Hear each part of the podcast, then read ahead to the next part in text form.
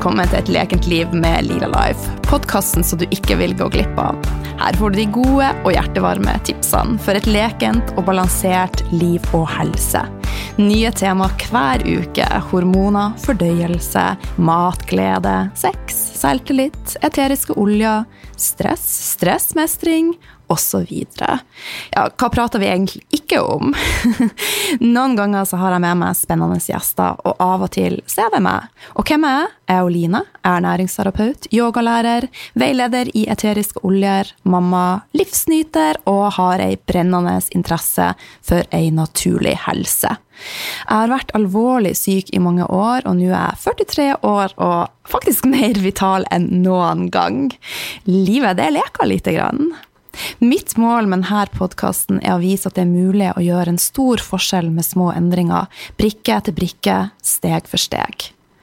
Sharing is caring, og jeg blir så glad om akkurat du tar deg tid til å legge igjen en kommentar på iTunes. Det betyr at budskapet når flere. Og gjerne tips en venn, naboen, en partner. Ja, du får lov å tipse faktisk hvem du vil. Et stort smil og en smask ifra hun Line Lila Life.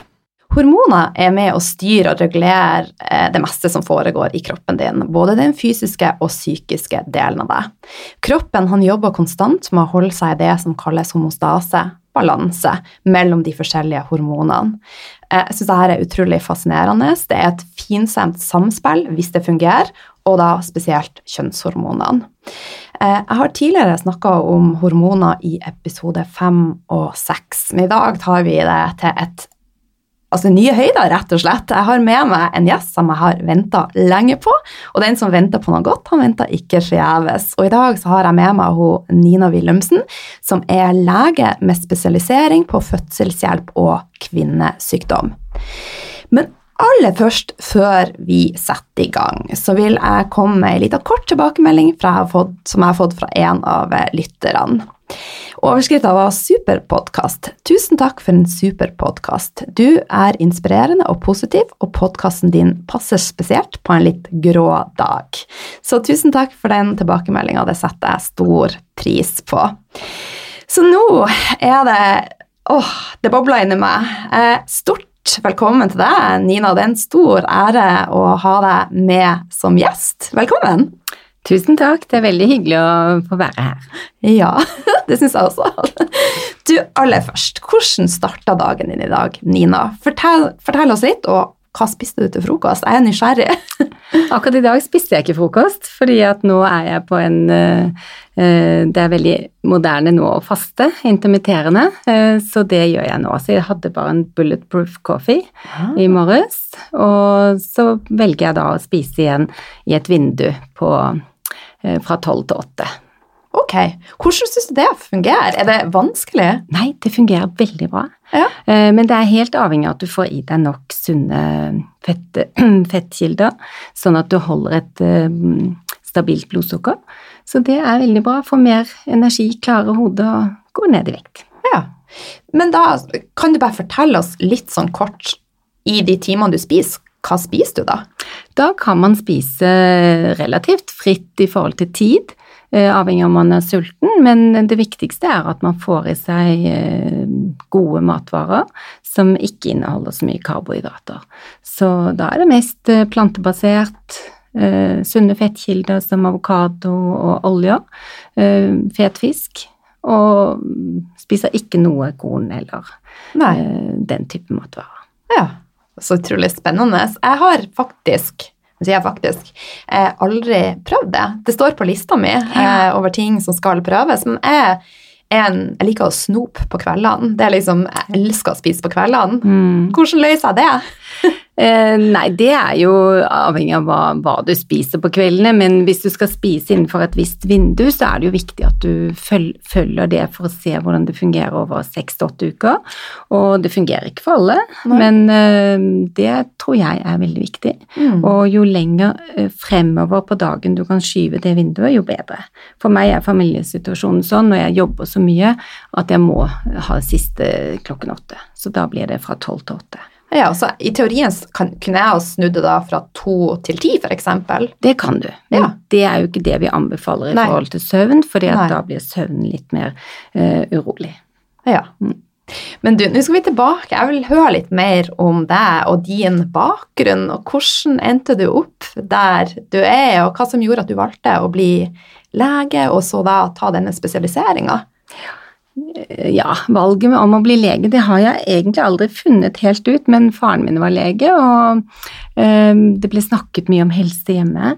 Eh, og jeg har alltid tenkt at det måtte være veldig spennende å finne ut av kroppen og hjelpe andre osv. Så, videre. så det var et jeg, jeg vurderte ikke så mye annet, faktisk.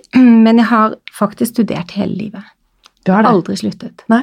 Så jeg tok først uh, legestudiet, og så ble jeg spesialist i eh, gynekologi og fødselshjelp. Eh, så har jeg tatt en doktorgrad i klinisk biokjemi. Wow. For da fant jeg ut at jeg hadde lyst til å lære mer om celler og hvordan ting fungerte, og ikke minst lære meg et håndverk i forhold til å raskt finne god informasjon og kunne validere den, eh, sånn at jeg ikke bare mm, leste masse som egentlig ikke hadde så mye Ja. eh, betydning. Så det gjorde jeg mens jeg fikk fire barn. wow. Så, Hva det er med dere leger? Dere er veldig effektive. Jeg tenker på Berit Nordstrand også. ja, vi har mange barn Ja. uh, i snitt. Uh, jeg vet ikke hva det er, men um, kanskje det har noe med at vi er veldig glad i mennesker, og Ja. eh, vi har Mange leger har lange arbeidsdager og jobber mye. Ja. Og så, når jeg fikk fjerdemann, han er skikkelig attpåklatt, ti år yngre enn sistemann av de tre som er litt tette, eh, og da var jeg 43 år. Så tenkte jeg at eh, kanskje jeg skal finne på noe annet enn å gå på sykehus og Ja. operere og ta vakter og sånn, så da begynte jeg i min egen praksis. Og det jeg ikke helt skjønte med en gang, var at eh, jeg hadde jo ikke lært noe om hvordan vi skulle behandle alle disse slitne kvinnene. De var slitne, hadde ikke sexlyst, gikk inn og ut av arbeidslivet, hadde vondter som vi aldri hadde lært om på sykehuset, for der ser du en annen type pasienter. Mm. Og da måtte jeg finne på noe, og da begynte jeg å lete på nettet og litt rundt omkring, og så mm, endte det opp med at jeg begynte å studere ved Institutt for funksjonell medisin i USA, som er en raskt voksende retning innen medisin. Ja. Funksjonell medisin er jo et litt slitt begrep etter hvert, så Ja. nå leter man eh, internasjonalt etter et nytt begrep, og det ser ut til at det kan bli eh, personalized medisin på engelsk, eh, og i Norge så har vi egentlig ikke funnet noe nytt. Nei, men det hørtes jo et, ut som et veldig beskrivende ord, da, ut fra mitt ståsted. Ja, jeg tenker jo at det kanskje dekker det best, fordi at eh, skolemedisinen er jo veldig viktig og, og fin å ha i, eh, i mange ting, men når det gjelder kroniske lidelser og diffuse lidelser som vi ser mer og mer av i samfunnet i dag, så, så når ikke skolemedisinen målet sitt uh, om å gjøre folk friske. Nei. Og det er en eh, veldig trussel mot hele uh, helsevesenet vårt. Mm. Det er kostnadsdrivende, og mange klarer ikke stå i jobb fordi de mangler energi og ja. Det, det kommer jo fra USA som det meste andre, og det er Ja. fedme, sukkersyke, alle de store kroniske lidelsene. Ja, utrolig, utrolig spennende. Eh, men du fikk barn i en alder av 43. Er det noe du anbefaler? Jeg er 43 år nå. Det er farlig å anbefale det til noen, så Ja. det passet veldig godt for meg, og mm, jeg følte at livet hadde gått veldig fort. Jeg Ja. jobbet mye, fikk tre barn, drev min egen barnehage, flyttet litt etter mannen min som skulle ha jobb et annet sted. Så jeg, jeg følte veldig behov for å liksom Ja. få ett barn til, og i dag er han 18 år og sitter nå på et fly på vei til eh, skisamling i Tyskland. Så Ja. jeg er veldig fornøyd med det. Ja. Men i et sånn hormonelt perspektiv, eh, er det å Hvis du skal se på det sånn, er det for seint å få unger sånn hvis du skal gi de anbefaling, eller tenker du at det er innafor? Nei, det tenker jeg ikke. Nei. At det er for sent. Eh, Det er jo flere og flere som, som får eh, barn i høy alder, men det jo, man må være klar over at det er en økt risiko. Ja. Eh, Og man bør ha en god helse, Mm. fordi at risikoen for å få belastninger og et sykt barn er jo mye, mye større. Ja. Men nå var det en liten avsporing, men jeg, det, jeg elsker at bare praten flyter, så det, det må du bare leve med. Eh, men nå eh, altså, Hovedtemaet i dag er jo hormoner, og det er jo et enormt spennende tema. Kan du bare forklare de som hører på, hva er egentlig hormoner? Hormoner er jo det som definerer oss, og som gjør at vi uh, er forskjellige. Og det som er definisjonen på hormoner, er jo at det er budbringere for beskjeder fra de endokrine kjertlene. Mm. og vi har jo mange forskjellige typer hormoner. og i dag skal vi kanskje snakke mest om sexhormoner. Eh, men det er viktig at er, hormonene er i balanse. og Man kan tenke seg at det er et symfoniorkester hvor alle de forskjellige hormonene må spille sammen for å være i optimal helse. Ja, og så er det jo i dagens samfunn så er det jo veldig mange som kommer ut av denne balansen, så orkesteret det spiller ustemt. Ja. Eh, kan du, har du noen tanker rundt dette? Altså, hva tror du er årsaken? Jeg tror det er multifaktorielt. Eh, både at vi i vår tid lever med et altfor høyt stress. Vi skal nå for mye, vi skal eh, rekke over altfor mye. Vi styres av klokke, av eh, indre og ytre krav. Og I tillegg så har vi en økende forurensning med mye hormonhermere i mange av de kjemiske substansene som vi både har i maten, i personlige produkter, vaskeprodukter hjemme osv. osv. Ja. Eh, så, så vi har masse utfordringer, og vi må være mye mer bevisste i forhold til eh, hvordan vi er som konsumenter, og hvordan vi lever. Mm. Men eh, altså, både menn og kvinner vi har jo forskjellige hormonelle sykluser. Eh, I dag skal vi primært fokusere på dame, mm. eh, og vi går jo gjennom forskjellige faser. har du hva er dine beste tips i forhold til de forskjellige fasene? Altså Den første fasen der man begynner å få menstruasjon, og så har vi jo da 20-30-årene, og så da Jeg er litt usikker hvordan uttales vi uttales det periomenopause? På norsk, hva sier vi? Perimenopausen, sier vi. Pausen. Ja, det er jo definert som de siste fem til syv årene før du mister menstruasjonen. Ja. Eh, de forskjellige fasene er jo veldig forskjellige for, ja. for uh, ulike kvinner, men uh, det er jo viktig også for, for barn og unge kvinner. Det er jo en mye lavere menstruasjonsstart hos kvinner nå. Ja. De kan være helt nede i ni-ti år når de begynner å menstruere. Mm. Og det skyldes nok også omgivelsene våre. Ja. Eh, og så rett og slett faktisk ytre faktorer. Ja. ja. Mm. Og at vi spiser annerledes. Ja. Vi får i oss mer uh, feil mat, og mange er overvektige. Ja. Um, og da får man lettere mer østrogen og lettere en, en modning. Så, så, det man må passe på, er uh, kostholdet aller, aller viktigst i forhold til dette. Ja. Um, og jeg tenker at uh, for, for, de unge så er det det aller viktigste å få, ha en sunn tarm Eh, et sunt kosthold og nok hvile. Mm. Ikke stresse med altfor mye eh, aktiviteter og skole og ja. ja. Rett og slett balanse der balanse. også. Ja. Mm. Og så da kommer jo da 20-30-årene, da. Hva er dine beste tips der? Eh, jeg tror at i hvert fall jeg sjøl når jeg var i 20-årene, så tenkte jeg at jeg var udødelig, og at de valgene jeg tok, ikke påvirka resten av livet mitt. Men det stemmer jo ikke. Det stemmer ikke. Eh, det som kjennetegner denne gruppen, er at de skal gjøre store endringer i livet sitt. De skal gjerne få barn, etablere seg, studere, begynne å jobbe. Og det vi ser i dag, er at veldig mange kommer til kort. De blir mm. slitne. Uh, orker ikke så mye og begynner å få symptomer på uh, at ting ikke er helt uh, i balanse. Mm. Ja. Og så har vi jo neste fase, da, som er periomenopausen. og der tror jeg kanskje jeg befinner meg. Ja, og mange er jo ikke klar over det. At Nei. allerede fra 35 pluss minus så begynner uh, syklusen å endre seg mm. uh, på grunn av at det blir mindre produksjon av progesteron primært, ja. og at man får i deler av syklusen så får man da en østrogendominans.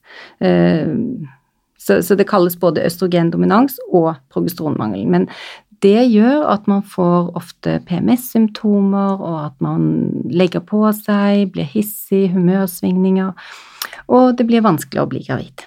Ja, Mm. for at, som du sier, progesteronproduksjonen vår den avtar når vi kommer i en viss alder, og så går den drastisk ned. Men hva kan vi gjøre for å ivareta den best mulig, sånn at vi får balansen i hormonene? Igjen så er det jo livsstilstiltak, ja. ikke sant. At man sørger for at man har nok eh, god ernæring. Eh, at man hviler nok. At man sover sine syv til åtte timer. Unngår mye alkohol kaffe og andre stimulanser, eh, så er vel det det viktigste i, i første omgang. Og for mange så vil jo det være nok til å balansere eh, syklusen, og da unngå for mye stress, selvfølgelig. Ja, og der eh, en av de tingene som, eh, som jeg nevnte til deg, var at min egen syklus han er på klokka 28 dager. Eh, men jeg merker spesielt da i høytider, eh, jul, påske, når det blir et avvik fra min normale hverdag, litt mer alkohol, så endrer den syklusen seg. Ja. Ja. Og man føler seg ikke så opplagt, ikke så klar i hodet, klarer ikke prestere like mye. Men det er jo også viktig å sørge for at man får nok D-vitamin, at man får nok magnesium og C-vitamin for å holde syklusen i gang. Ja. Så det alene kan jo også gjøre at man får en bedre syklus.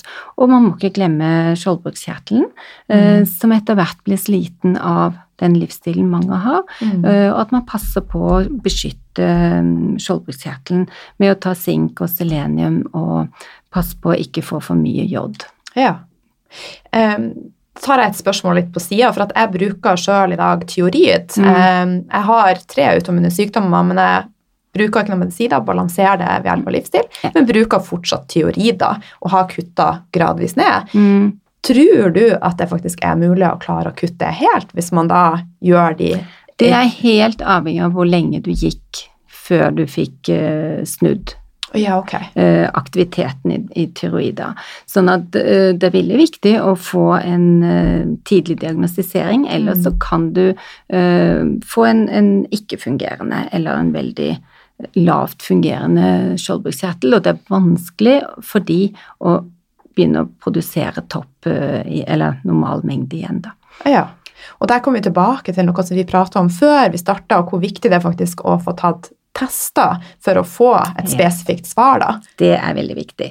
Og det er viktig at man ikke bare måler disse T3 og T4 og TSH, men at man også tar med revers 3, som er en brems i hele systemet, og som kan gjøre at de andre prøvene kan se normale ut, men så har du en veldig høy revers 3. Ja. Det er en eh, test som ikke måles så ofte i Norge, eh, men som er veldig eh, vanlig at den er forhøyet hos de som har eh, mye stress. Mm. Ofte et uttrykk for stress. Ja. Eh, på samme måte så, så, tar man jo ikke så mye hensyn til antistoffer i, i eh, blodet mot uh, skjoldbruskkjertelen, anti-TPO, men det er også en viktig faktor. Mm. Allerede mm. da har du en dårlig fungerende skjoldbruskkjertel når de begynner å bli høye. Ja. Så det er rett og slett mye å, tenke på. Ja. ja. Eh, du nevnte også det med alkohol og eh, kaffe. Eh, Sjøl er jeg ekstremt glad i vin, eh, og min siste episode som jeg spilte inn, var faktisk om alkohol. For jeg har mhm. brukt sommeren til å dypdykke litt hva som faktisk skjer med kroppen når vi drikker alkohol, ja. for å lære litt sjøl, men også kanskje inspirere og motivere. Så hva er dine tanker sånn, eh, om å drikke alkohol kontra hormonbalanse? Det er jo sånn at det å drikke uh, mye vin, uh, over fem enheter i uken, mm. uh, gir økt risiko for brystkreft. Ja. Og vi vet i dag fra studier at et regelmessig alkoholinntak gir høyere risiko for brystkreft enn å bruke østrogen. Okay. Så det som skjer, er jo at den opptar plass i leveren. Man må bearbeide alkoholinntaket, og da får man et dårligere utgangspunkt for å bearbeide hormonene. Så får du en uh, hormonell ubalanse rett og slett på grunn av det. Og så er det høyt sukkerinntak i tillegg. Ja. Det er jo vidt veldig litt sånn legitimt å ta seg et glass vin nesten hver Ja. dag nå. Mm. Det er jo vidt normalen. Ja, jeg har kanskje vært et annet sted enn det. For jeg la merke til i sommer at det var veldig mange som avsto og drakk vann istedenfor. Så bra! Ja, så det, men det er kanskje min aldersgruppe. eh, At de er blitt mer bevisste, for vi blir jo litt egoistiske på at vi vil ha en god dag dagen etterpå, Ja. og ikke drikke så mye vin som vi har gjort tidligere. Ja. For det har blitt, som du sier, veldig legitimt å drikke Ja.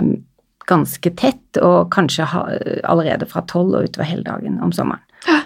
Så det anbefaler vi jo ikke. Nei. Nei. I morgen skal jeg faktisk snakke med ei som er 21, som har valgt å ikke drikke alkohol i det hele tatt. ja. For å høre litt på hvordan det er å gå imot strømmen. Og, eh, jeg syns det er et veldig tøft valg, og det, jeg ser at det er en trend faktisk i samfunnet at de unge også avstår mer og mer. Og det tror jeg vi bare skal øh, være glade for at det skjer, og at man blir mer bevisst i forhold til helse. Men for all del, man må jo kose seg innimellom, men det er Ja. mengden som er problemet. Ja. Mm.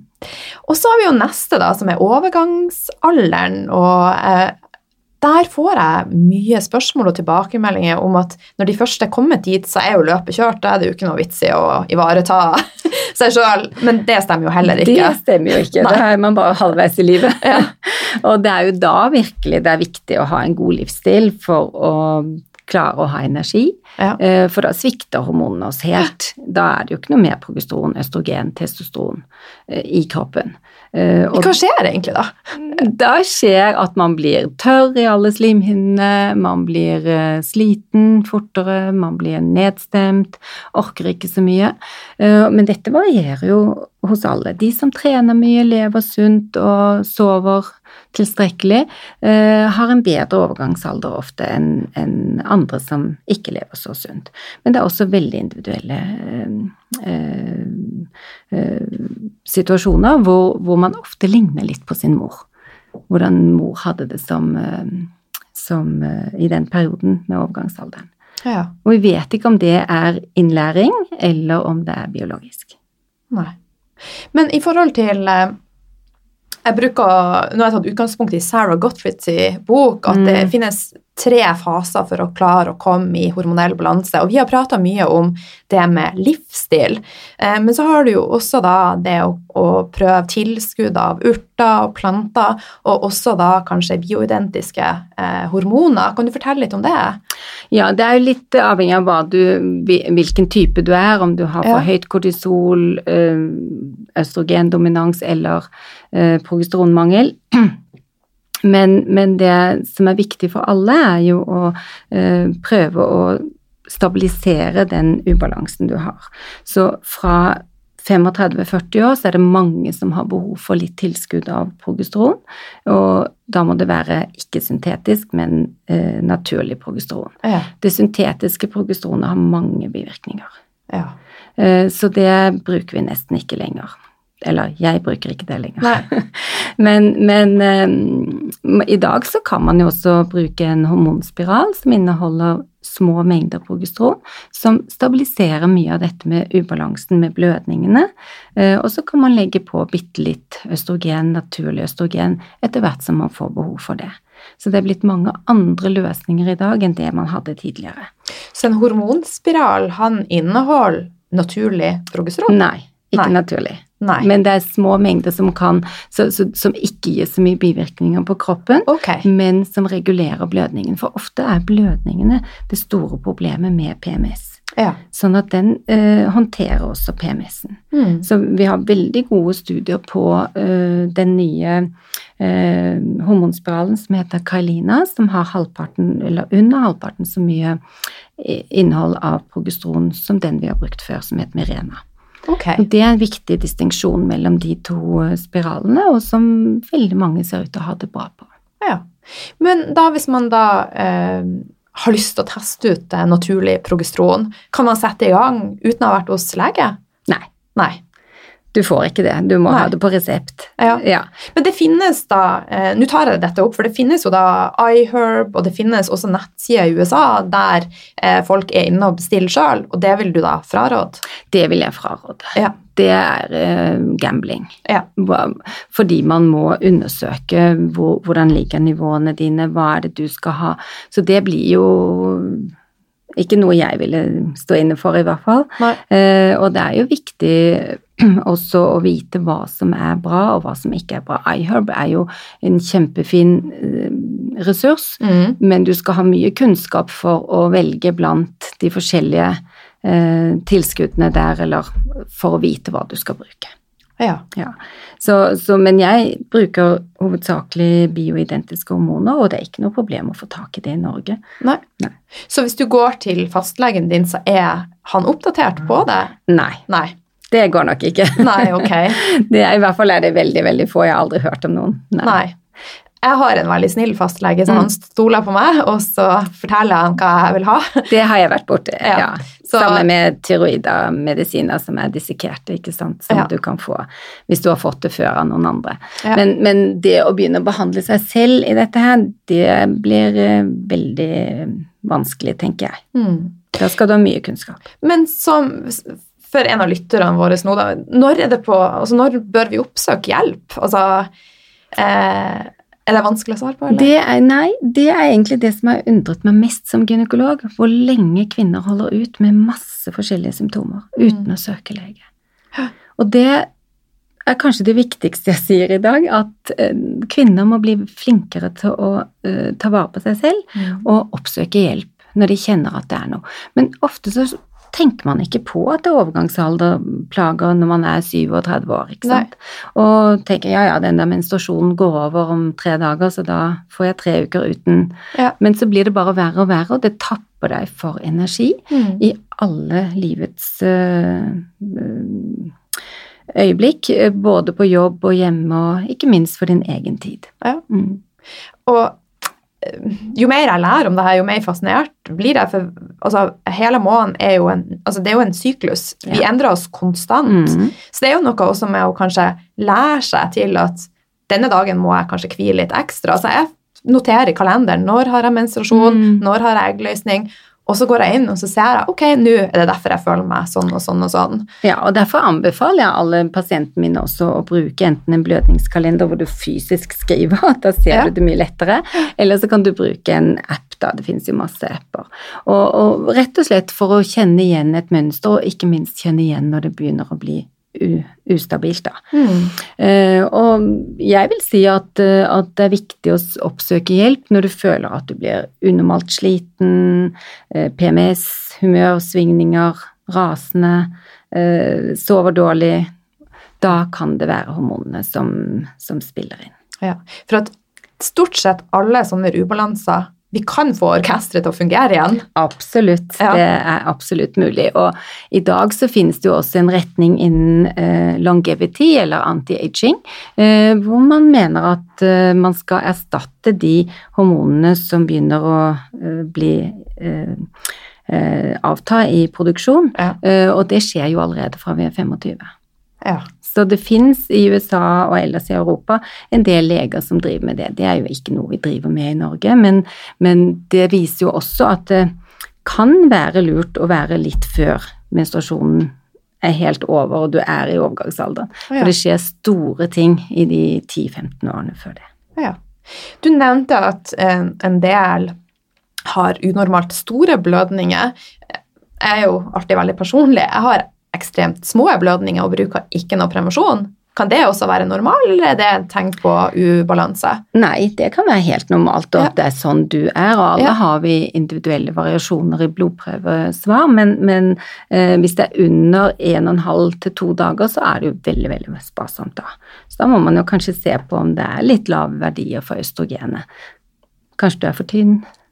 Ja. Idrettsutøvere har, har det problemet, at de får Ja. for lav BMI, for lav eh, kolesterol, og alle steroidhormonene eller sexhormonene våre er laget av kolesterol. Så hvis du har, er, spiser for lite fett, så får du også en dårligere eh, hormonproduksjon. Ja. Det er ikke tilfellet hos meg. Jeg Nei. spiser en halv pakke Rørosmør nesten om dagen. Oh, ja. Nei, jeg er veldig glad i smør og avokado. Ja. Ja. Og prøvene mine er normale. Så eh, Da, altså, da er det helt innenfor normalen. Ja, og um, har hatt en historie der jeg hadde spiseforstyrrelse, så da hadde jeg menstruasjon, var fraværende i mange år. Ja. Så ja, Da har du opplevd det. Ja. Men eh, jeg får, får mange spørsmål om prevensjon. Du har nå vært innom det med hormonspiral, at det kan være et ok alternativ, for det inneholder små mengder progesteron. Mm. Hva anbefaler du ellers? Altså, mange av mine lyttere og generelt i befolkninga vi er mer og mer opptatt av at vi ønsker noe som er naturlig. Ja, og det er jo vanskelig. Ja. Eh, P-piller er jo ikke naturlig, så der prøver jeg jo, hvis jeg må bruke p-piller, å bruke de med lavest innhold av, eh, av østrogen. Eh, Så det blir ofte en p-ring. For den har mye lavere innhold, og det viser lavere eh, konsentrasjoner i blodet. Eh, Og er lett å utsette menstruasjon med, osv.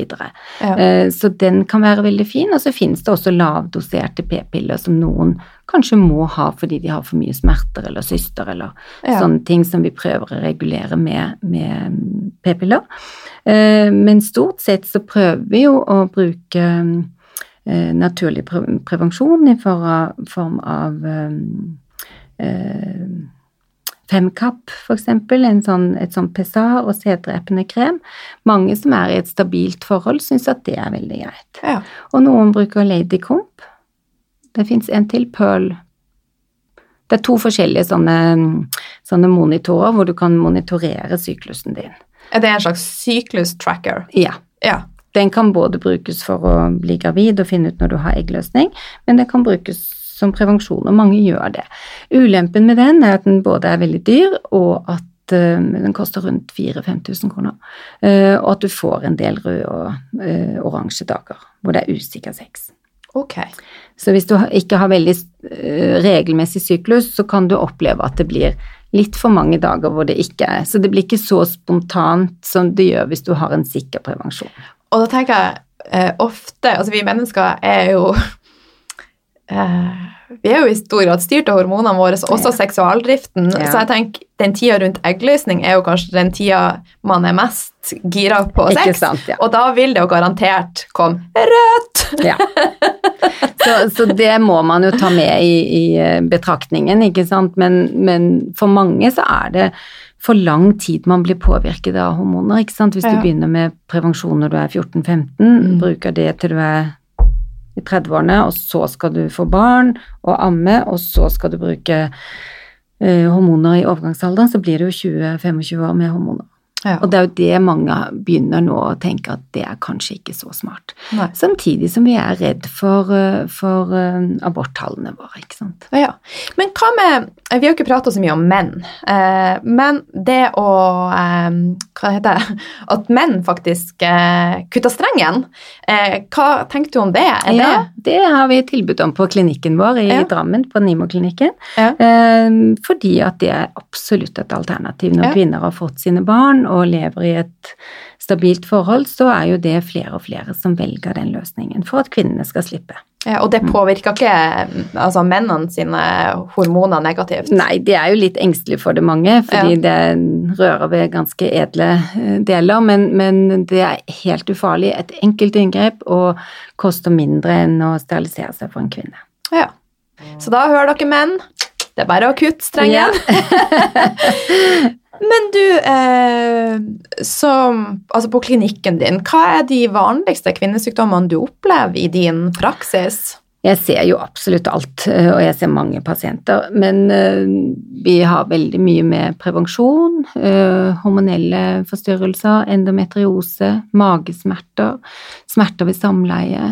Eh, Veldig mange sliter med stramt bekken etter, og bekkenplager etter fødsler.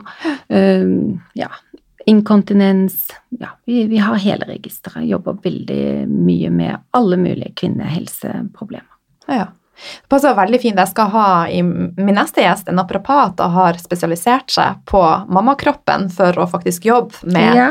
og de små musklene i bekkenbunnen og, og, og bidra og hjelpe på den måten. Ja. Så, og det er jo kjempeviktig. Det er veldig viktig. Vi har også et team nå som jobber med vulvalidelser, som ikke er så kjent, som er en gruppe eh, kvinner som sliter med masse smerter ved sex, og som trenger både bekkenbehandling av fysioterapeut eller naprapat, og som trenger hudlege og gynekolog for å sammen i et team prøve å få eh, en bedre helsetilstand. Vi har to vulvaklinikker i Norge foreløpig, og vi starter nå den tredje. Ja. Og den trenden i samfunnet, altså det er jo flere og flere unge som får det, det er vel ikke tilfeldig heller? Det er nok ikke det. Det er, det er nok en multifaktoriell lidelse med en del psykiske komponenter, sånn at det er viktig å jobbe på flere plan. Mm. Uh, og vi har også en veldig dyktig sexolog som snakker med disse, disse kvinnene, og, og, vi ser at i løpet av et halvt til ett år så er de mye, mye bedre. Ja. Men det tar tid. Ja, mm. så fantastisk. Men det med tid eh, det er jo en fellestrekk i alt vi gjør. Altså, vi er jo nødt til å investere tid. Quick fix funka ikke. Nei. Nei. Det er ikke noe quick fix. Nei. Og det er det som er vanskelig med denne type medisin, at, at, man må øh, skjønne at man har så mye plager at man må investere for å få en endring, og endring er jo noe av det vanskeligste vi jobber med. Mm. Men kvinner er flinke til det, syns jeg, når de, når de, først skjønner at nå må jeg gjøre noe, for ellers så blir livet mitt sånn. Ja. Og det, det, er en viktig ting, dette med å ta vare på seg selv og investere i seg selv. Ja.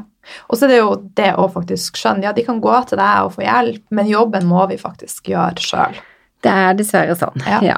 Mm. Så invester litt hver dag og gjør gode valg, så kommer resultatene. Ja, og det tenker jeg om helsevesenet generelt, at vi blir mer veiledere etter hvert. Ikke sånn som det har vært før, bare skrive ut en resept og vær så god. Vi må være veiledere i forhold til hvor, hvor vi ser hvor skoen trykker, og hvor man kan sette inn endringer som vil fungere. Da. Ja. I eh, dag så er det jo en del som sliter med å bli gravid. Hva er dine beste tips i forhold til de som sliter med det? Det er mange årsaker til det, men, men de fleste som sliter, de, de, bør i hvert fall uh, passe på at de har alle næringsstoffene i kroppen som de trenger, at de ikke mangler forskjellige ting som er viktig for å lage egg og sædceller. Uh, og redusere stresset uh, er nok de to viktigste faktorene, tenker ja. jeg. Og oppsøke hjelp hvis man ikke blir gravid. Det er ja. mye hjelp å få. Ja. Da, men du nevnte at altså, det å få i seg nok fett, for det er altså kolesterol er forløperen til alle hormonene, og magnesium. Og hva vil du si er de beste kildene til magnesium? Hmm. Um, det tror jeg du er bedre på enn meg. ja. Jeg bruker faktisk å anbefale Epsom-bad. Eh, Epsom saltbad, ja. Det bruker vi også. Ja. Nå tenkte jeg mat, ja. Men, men Epsom saltbad bruker vi enten de bare bruker fotbad eller uh, ligger i badekaret. Men det får man jo bedre avslapping og søvn av også. Men jeg anbefaler rett og slett et tilskudd av magnesium. Hvis de er, har høyt kortisol, så vil jo de fleste ligge lavt i magnesium. Ja. Jeg bruker tørka reinlever. Den er rik på, ja, rik på magnesium og egentlig alt jeg trenger, og helt naturlig. Mm. Så jeg tenker at på samme måte som at vi ønsker naturlige hormoner inni kroppen, så ønsker vi også mest mulig naturlige Naturlig, vitaminer ja. og mineraler. Mm. Men ja. D-vitamin, sink, selen, ja. ikke sant? at man har nok av de um, mikronæringsstoffene som er helt essensielle. Og så kan man jo gå på mer makka og andre ting, Eh, kyskhetstabletter eh, osv. Ja. Men, men det blir mer spesialisert da. Men jeg, jeg tenker at det viktigste er at du er i balanse. Både emosjonelt og, og, i forhold til stress. Ja. Eh, I boka til Sarah så refererer hun til det med pusten, hvor viktig det er faktisk for hormonell balanse. Ja. Respirasjonsøvelser, men det jo, går jo veldig mye på kortisol, å få ned ja kortisolet vårt, som de aller fleste har altfor høyt av. Bare å kjøre hit i dag fra Dammen er jo en øvelse og en prøvelse inn i Oslo. så, så, da satt jeg og tenkte på at eh, det er ikke rart vi blir stressa. Nei. Nei. Så, så, vi omgir oss med så utrolig mye som vi skal håndtere, mm. som vi egentlig ikke var skapt for i utgangspunktet. Nei. Jeg bare elsker Jeg hadde intervju med en prest i Bodø, og han sa 'gå sakte, lytt mye', og så var det én ting til. Eh, men altså rett og slett bare gjør ting litt saktere. Alt skal skje så utrolig fort. Ja. ja. Det tror jeg vi kommer langt med. Absolutt. Og kanskje vi ikke skal ha det så perfekt. Kanskje vi skal være mer sammen med mennesker og få litt mer oksytocin. Mm. Oksytocin er jo kjærlighetshormonet, og vi skal klemme mer og ha mer sex og være nærmere hverandre for å få mer av det, som igjen gjør at vi blir rolige og mer lykkelige. Og da passer det veldig fint å hoppe over til sex, for det er jo et tema som berører alle, stort sett. Mm. Og eh, jeg opplever at veldig mange sliter med sexlyst. De har lite seksuell omgang. Eh, hvorfor? Hvorfor tror du det er sånn?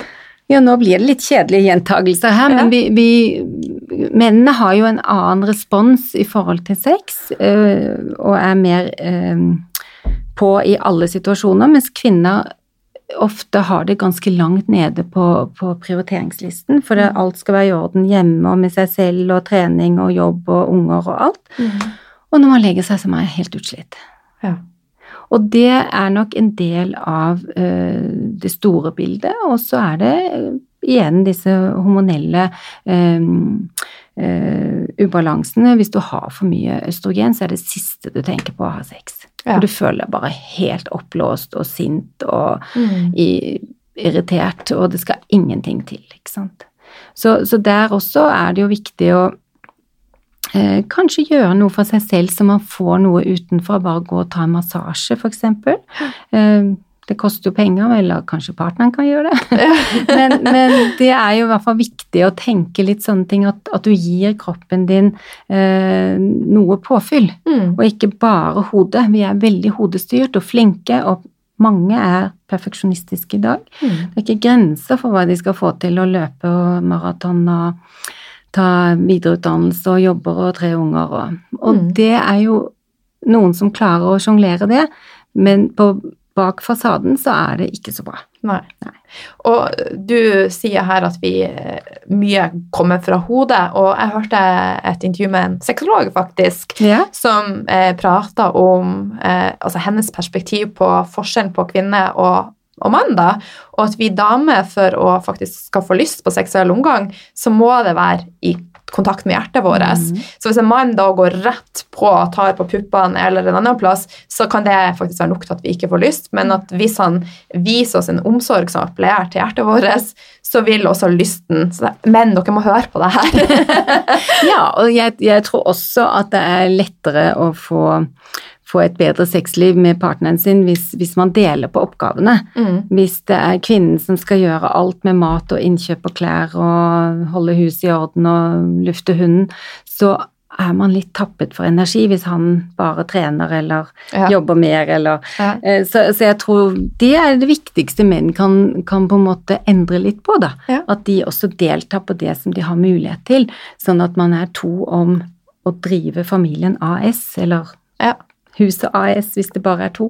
Ja. Um, men det er mange, mange flere aspekter med dette med, med sexlivet, og det er jo viktig at det er Jeg pleier å si til mine pasienter det er jo der du henter energi. Mm. Det er der du på en måte har noe med en person som du ikke har med noen andre. Og da, vanligvis, da. Men i hvert fall, det er kjempeviktig å tenke at man skal ikke bare tilfredsstille en partner, man skal kreve litt selv. Mm. Og få den sexen man selv ønsker. Mm. Og det er det mange kvinner som ikke gjør. Ja. Faktisk sette litt krav, og sette krav til nytelse, at Ja. vi er to om det. Ja, Ja. At, at man er litt egoistisk på det å få sexlivet som man selv ønsker det, da. Mm. Dette kunne vi ha prata om i en evighet. hører jeg. Men hun, sexologen her også, hun, hun er nok et ytterpunkt. Hun mente at vi burde ha sex hver dag, da. Ja, eh, det er veldig varierende. Jeg tror nok det er viktig at man møtes et sted på midten, for mange kunne jo hatt sex flere ganger om dagen, Mm. mens andre bare en gang i uken. Ja. Eh, Men det man må passe på, er at det ikke blir altfor sjelden, for da glir man fra hverandre. Ja. Og særlig etter fødsler. Ja. Da er det mange som venter og venter og venter, Ja. og det, da må man bare hoppe i det. ja. Og det en annen, nå skal jeg slutte å komme med en annen, en annen, men jeg hørte på eh, han som har skrevet boka eh, 'Menn fra Venus og kvinner fra Mars'. Mm. Eh, For menn er jo da, når de har hatt sex, så får de, de fordobla produksjonen av testosteron, mm. faktisk. Så det gir de en sånn følelse av å være Ja, at de presterer og føler seg bra. Så hvis de ikke får utløp for de her driftene, så begynner de etter hvert å se i andre retninger. Det er bare en del av, av sånn biolog, biologien er. Det er det. Ja. Mm. Så det må vi tenke på, vi damer. Ja, og, men, men som sagt med det aspektet at vi også trenger det, og vi får mye mer oksytocin og føler oss bedre. Det er lettere å snakke om en regning som ikke er betalt, eller dele andre ting Ja. hvis det er i orden. Ikke sant? Så det er også en, en viktig del av helse å ha et godt sexliv. Ja. Og det er bedre med Jeg har et sitat som Men det har jeg glemt det. Men i hvert fall, huset mitt det ser ikke ut, men det bryr jeg meg ikke om. Nei. Nei, altså, Det viktigste er jo hvordan man har det Ja. inni seg. Så, Men hvis man da sliter med hormonelle ubalanser, og man, altså mange eh, sliter med tørrhet, da, Mm. kan man da bruke naturlige ting som kokosfett, eh, mandelolje, eh, som glidemiddel, eller Ja, det kan Ja. man absolutt. Man skal passe litt på med spesielt kokosolje, er at det kan på en måte stoppe til noen talgkjertler, Ja. sånn at noen får litt mer kviselignende utbrudd. Eh, Så jeg anbefaler da gjerne jordnøtteolje, jordnøttolje, eller babyolje faktisk, Ja. for det er litt renere, ikke så tjukt. Ja. Eh, Men i dag har vi jo veldig mye mer enn vi hadde før. Det er kommet et nytt eh, eh, eh, en, en ny stikkpille som heter Intrarosa, som inneholder DHEA, og som gir økt lyst, samtidig som det gir bedre smøring, eller bedre okay. slimhinner. Så det er et nytt uh, preparat som vi kan skrive på resept, Mm. som er veldig bra. Før hadde vi bare Vagifem, som var en liten sånn, eller som er en liten eh, østrogenpille. Og så har vi også et eh, nytt middel som heter Geliss, som er østradiol og ikke østrogen. Som er mye svakere, men har samme effekt som Vagifem. Ja. og så har vi en vaginallaser. Ja. Det gjør vi på klinikken vår i, i Drammen, på Nimo-klinikken, eh, og det er veldig, veldig populært. Det gjør at du slipper å putte inn noe hele tiden, du har strammere skjede og eh, mindre vondt ved samleie, og mindre plager med vannlatingsproblemer som å måtte tisse ofte eller urinveisinfeksjon. Og dette kommer jo gradvis frem mot 50-årene, og etter 50 så er det over 75% som trenger et eller annet. Mm. Ja, spennende. Så det er spennende. Og det er veldig bra at det finnes gode alternativer, at det går Mm. fremover. Ja. Det gjør det, og Ja. det, særlig dette med, med øh, å få strammet opp skjeden er veldig viktig for kvinner både etter fødsel og etter overgangsalder. Ja. Så gjør vi det. Mm. Du, på nettsida til Nimo der du jobber, så står det at vårt høyeste ønske er å optima optimalisere folks helse. Vi skal leve sunt, godt og lenge. Eh, hvis vi skal oppsummere litt, eh, hva er dine beste tips for å, å klare dette? Det beste er jo å forebygge eh, før man sitter der med noen resepter og, og, og har mange diagnoser. Så, så for eh, Det viktigste er å, å finne denne balansen for deg selv, eh, og det gjør man ved å spise riktig, det som passer deg, eh, sove, stresse mindre, passe på at du er i hormonell balanse, og unngå eh, for mye stimuli og toksiner i omgivelsene. Mm. Og det aller, aller viktigste i dag når det gjelder somatisk helse, er kanskje å ta vare på tarmen. Tarmen, ja. Mm, tarmen er helt essensiell, og det er helt pinlig hvordan eh, konvensjonell medisin har glemt tarmen i Mm. årtier. Mm. Vi har ikke snakket om tarm i det hele tatt. Nei. Og nå er det jo uh, mer og mer kunnskap om dette, men fremdeles, hvis du går til uh, fastlege og blir henvist til sykehuset, så er det én slange ned og sjekke at du ikke har kreft i magesekken, og én opp Mm. uh, i tarmen. Og hvis de ikke ser noen ting, så er alt i orden. Ja. Jeg skrev det- hovedoppgave om lekt harm for ti Ja. år siden. Kan tro jeg blir sett rart på. Ja, men ikke sant. Og nå snakker vi jo masse om altså immunforsvaret, om tarmen, hvor viktig dette er. Og jeg har jo mange pasienter som syns det er helt normalt å gå på do hver tiende dag. Mm. De har ikke fått beskjed om at det er helt unormalt. Og det er jo kjempeviktig. At man begynner med de enkle tingene. Og Det trenger ikke være så avansert. Nei. Men det, det er det aller, aller viktigste. Ja. For at når du har en velfungerende tarm, så går vi på do hver eneste dag, og Ja. den skal ikke være løs, den skal ikke være for fast. Og det er sånn første ting. Vi må lytte til kroppen vår. Vi må ha tid, ta oss tid til Ja. å gå på do, Ja. ikke minst. ikke sant? Og mange mm, opparbeider seg en dårlig tarm allerede fra barneskolen. Mm. ikke sant? Får mm, Det, det, er for mye brødmat, og det er for lite drikke, og skitne doer som de ikke vil gå på, og så har du en runddansgående. Ja. Jeg skal på roadtrip med ei venninne til USA, og ja. vi har laga litt sånn kjøreregler for å skal klare å, å fungere i lag. Mm. Jeg har én som, som, jeg har satt som krav, og det er at vi skal ikke stresse om morgenen, og jeg skal ha tid til å spise og ha muligheten til å gå på do før vi drar videre. Så bra. det er liksom Jo, men det, det må faktisk, ja. som du sier, vi må sette av tid til det. Vi må det. Og mm. hvis det er stress, i hvert fall for min del om morgenen, så kan det påvirke meg i flere dager etterpå. Og ja. samme gjelder uh, blæren. ikke sant? Og mm. de som har mest problemer med blæren i eh, voksen alder, det er lærerne. Ja. De tar seg ikke tid til å gå på, på do. For de har ti minutter pause, skal de haste av gårde, skal de snakke med noen elever, og så glemmer de det. Ja. Så de får en sånn kjempestor blære som ikke fungerer. Mm. Som et eksempel. Ja, som et eksempel, ja. Så i forhold til det med hormoner også, så det er kanskje noe med å, å lytte til kroppen når han faktisk kviskrer litt til deg. Mm. Når de her snikende symptomene kommer som hodepine og som du har snakka om, humørsvingninger, at du må ta litt sånn signalene på alvor. Ja, jeg tenker det, i hvert fall hvis det går over tid, så kan man i hvert fall prøve å trekke hva som skjer mm. uh, med kroppen sin, være litt mer bevisst og lytte innover mot kroppen.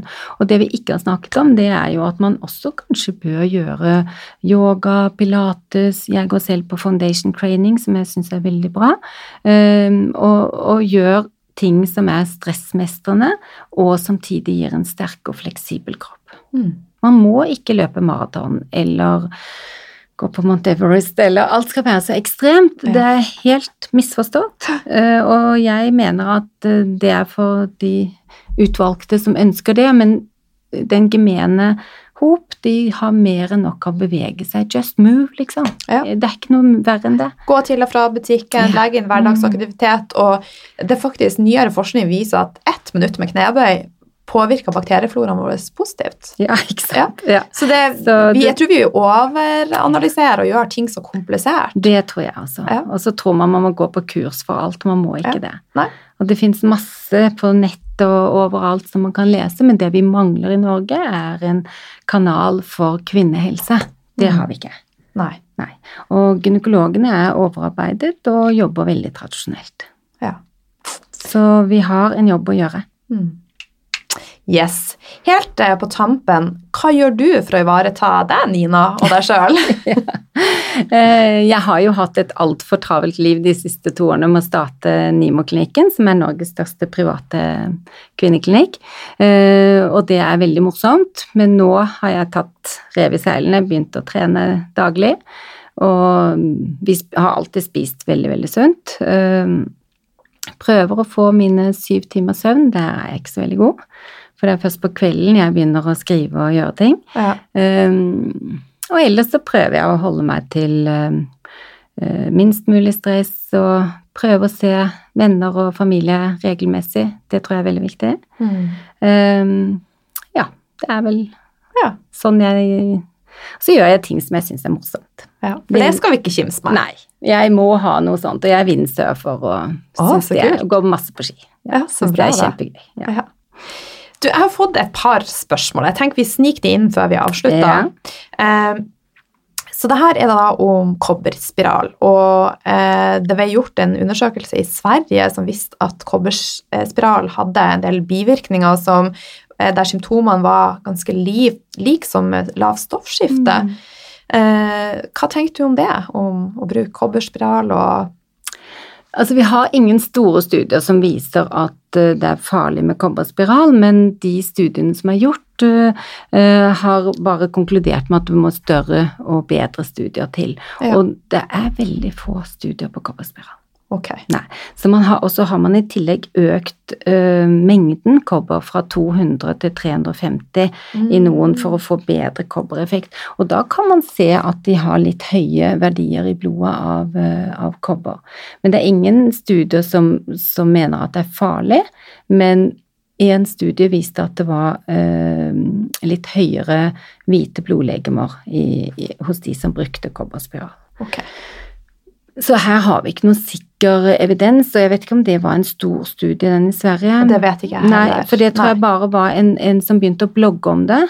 Mm. om egne symptomer, og så var det flere som gikk inn og mente det samme. Um, Så, så vi har ikke noen sikre holdepunkter for det, men, ja. men det er veldig få som bruker kobberspiral i dag. Okay. For du får så mye lengre og større blødninger Ja, av det. ja. God grunn til å ikke bruke det. Det er det jo, ja. Ja. Vi har én kobberspiral som ikke har vinger, som heter Gynefix, og den er det en del som setter inn. Ja, Men den har bare fire firkanter med kobber, og så kobberproblemet er jo det samme. ja. skjønner.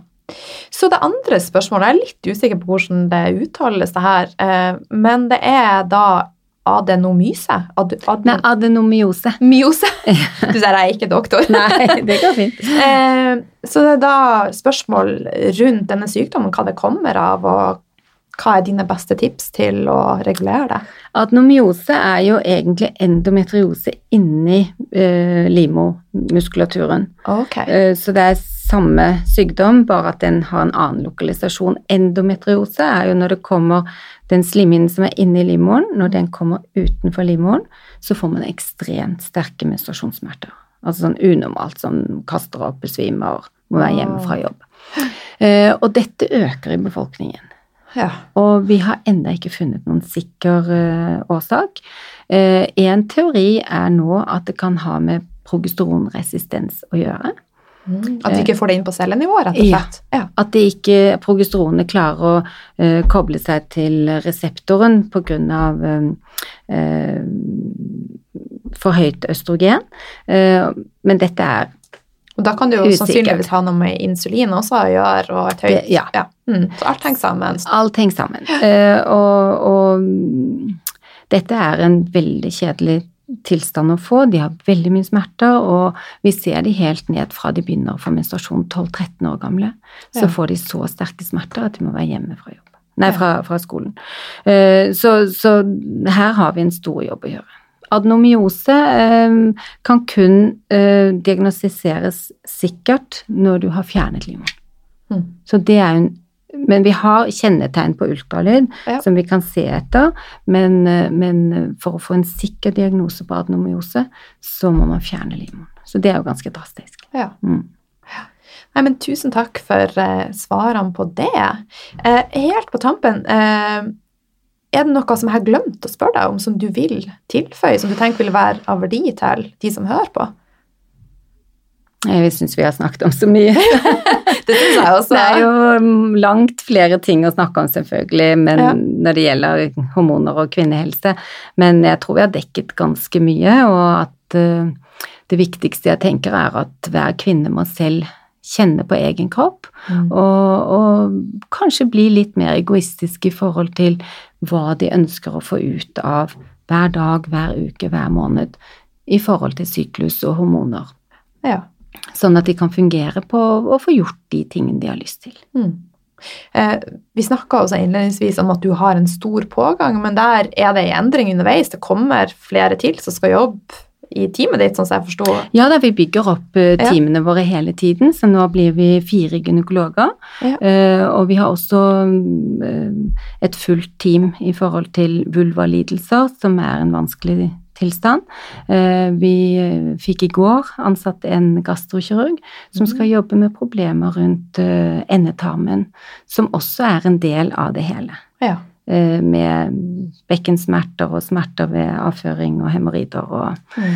alt det anal insuffisiens, ikke. Ikke minst. Og mange av disse områdene vi har vært innom nå, er jo tabubelagt. ja. Så mange har jo ikke hørt om at venninnen har anal insuffisiens, eksempel, Eller må gå med bleier, eller så, så vi har en lang vei å gå i forhold til å snakke om disse ting. Og de som faktisk er blitt veldig gode på det, det er VG+. Ja, så bra, Så, ja, de hadde en stor artikkel nå om endometriose og adenomyose. Ja, du er kjempefint. Og lichen, for eksempel, som veldig mange ikke vet hva er. Hva? Lichen. Ja, det har jeg sjøl. Ja. Ja. Det, det, og ikke sant, det er jo ikke noe man går rundt og snakker om Nei. eller vet om. Nei. Så her har vi en jobb å gjøre. Jeg fikk diagnosen som 23-åring, og da sa legen min til meg Oi, dette har ikke jeg sett på noen under 80 før, og så fikk jeg kortison i handa, og ha det bra! Men det var eh, Jeg ble provosert, litt sånn som Sarah ble. Eh, Ja, ja. Så det gjorde at jeg begynte å studere ernæring og bestemte meg for at ah, dette skal jeg være klar Så jeg har ikke noen symptomer. da. Nei, det kan du spise deg ut av og Ja. stresse deg ut av, ikke Ja. sant. Men i dag, så jeg har akkurat vært på en kongress i, i, eh, i Belgia, eh, hvor vi bruker laserbehandling på lichen. Wow. Ja, og det er kjempegode resultater. På tunga også? Nei. Nei, for jeg har operert eh, tunga også, faktisk. For, har du lichen planus da, eller lichen Jeg har lichen Sklerosa og lichen planus. Ja, for det er lichen planus mest i Ja, Man kan altså få, få Ja, Mm. akkurat. Nei, vi gjør det ikke i munnen. Nei. Men jeg har ikke, der også har jeg klart å stoppe det opp. Jeg var yeah. på kontroll nå i Nå blir det litt sånn internt her. Jeg var på kontroll forrige uke, og det var fint. Så bra. Ja. Jeg bruker faktisk eterisk olje rett på området. Rett på området, ja. Mm, Frankensens eller Frankincense. Ja, jeg tenkte det. Ja. Every day. Ja, og det er dyrt, men det er jo effektivt. Jeg tenker at det er verdt det. Ja, det. er verdt det. Ja. Ja. Og vi har nå utviklet egne tilskudd, fordi at tilskudd er såpass slitsomt å ta når du skal ta veldig mange forskjellige. Så apropos det jeg gjorde i morges, var jo å ta disse tilskuddene hvor vi har syv ingredienser i hver av de.